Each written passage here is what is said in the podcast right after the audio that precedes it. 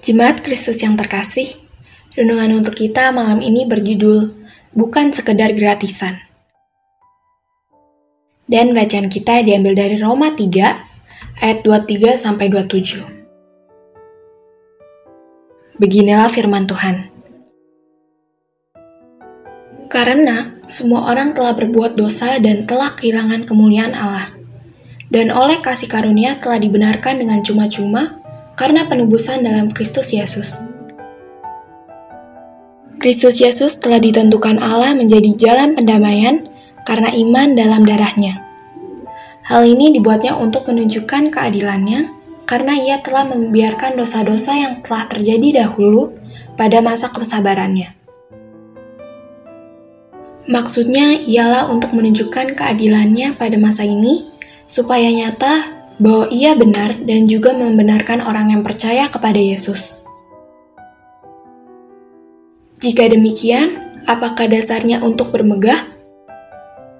Tidak ada. Berdasarkan apa? Berdasarkan perbuatan? Tidak, melainkan berdasarkan iman. Paulus mengatakan hal ini untuk menjelaskan bahwa setiap orang yang mendapatkan keselamatan bukan karena melakukan hal baik, yang hal itu menjadi semacam timbangan atau tambungan kehidupan kita. Paulus menentang bahwa kebaikan manusia cukup untuk menyelamatkan kehidupannya. Paulus dengan tegas mengatakan bahwa kita semata-mata dibenarkan Allah karena karya penyelamatannya yang dilakukan oleh Kristus. Hal ini dikatakan oleh Paulus karena masih banyak orang yang berpegang pada Taurat secara berlebihan dan tidak memperhatikan bagaimana Kristus telah mati dan bangkit serta menganugerahkan keselamatan. Paulus juga menyebutkan bahwa tidak ada yang bisa kita banggakan dari perbuatan kita semua tidak berlaku bila tidak dalam Tuhan. Paulus mengajak bahwa beriman kepada Kristus menjadi hal yang terpenting untuk kehidupan kita.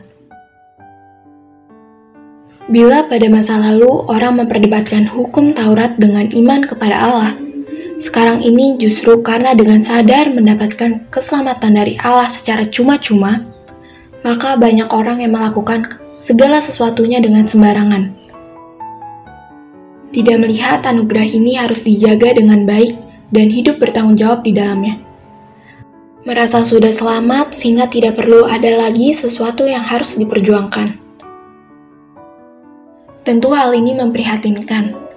Kita seharusnya malu saat sudah mendapatkan anugerah yang luar biasa ini, justru hidup dalam kedagingan dan hawa nafsu belaka. Kita tidak menjaga hidup kita dan mengabaikan segala sesuatu hal seperti kita membuang hadiah yang begitu berharga ke tempat sampah.